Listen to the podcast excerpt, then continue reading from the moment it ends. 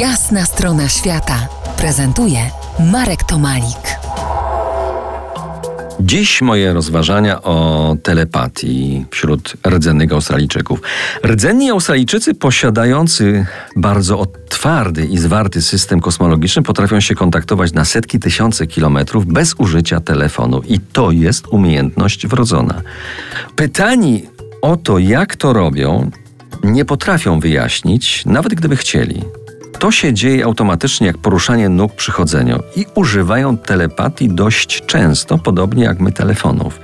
Pytani o treści wieści najczęściej wymieniają pogodę, ważne wydarzenia czy klanowe spotkania. Usłyszałem kiedyś opowiadanie o myśliwych, którzy upolowali kangura, ale ten był do transportu po prostu za duży. Wysłali wiadomość, telepatycznie, co począć z tym nadmiarem szczęścia i otrzymali odpowiedź: poczekać, poczekać. Posiłki znaczy się ludzie do was są w drodze. To taka jedna z historii.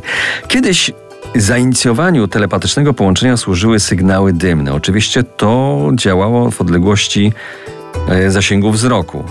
Taki sygnał był jednoznaczny z informacją, że szykuje się bardziej subtelny przekaz. Drugi rodzaj przekazu telepatycznego to już był transfer tak zwany bezpośredni. Tutaj inicjację połączenia powoduje wysłana myśl.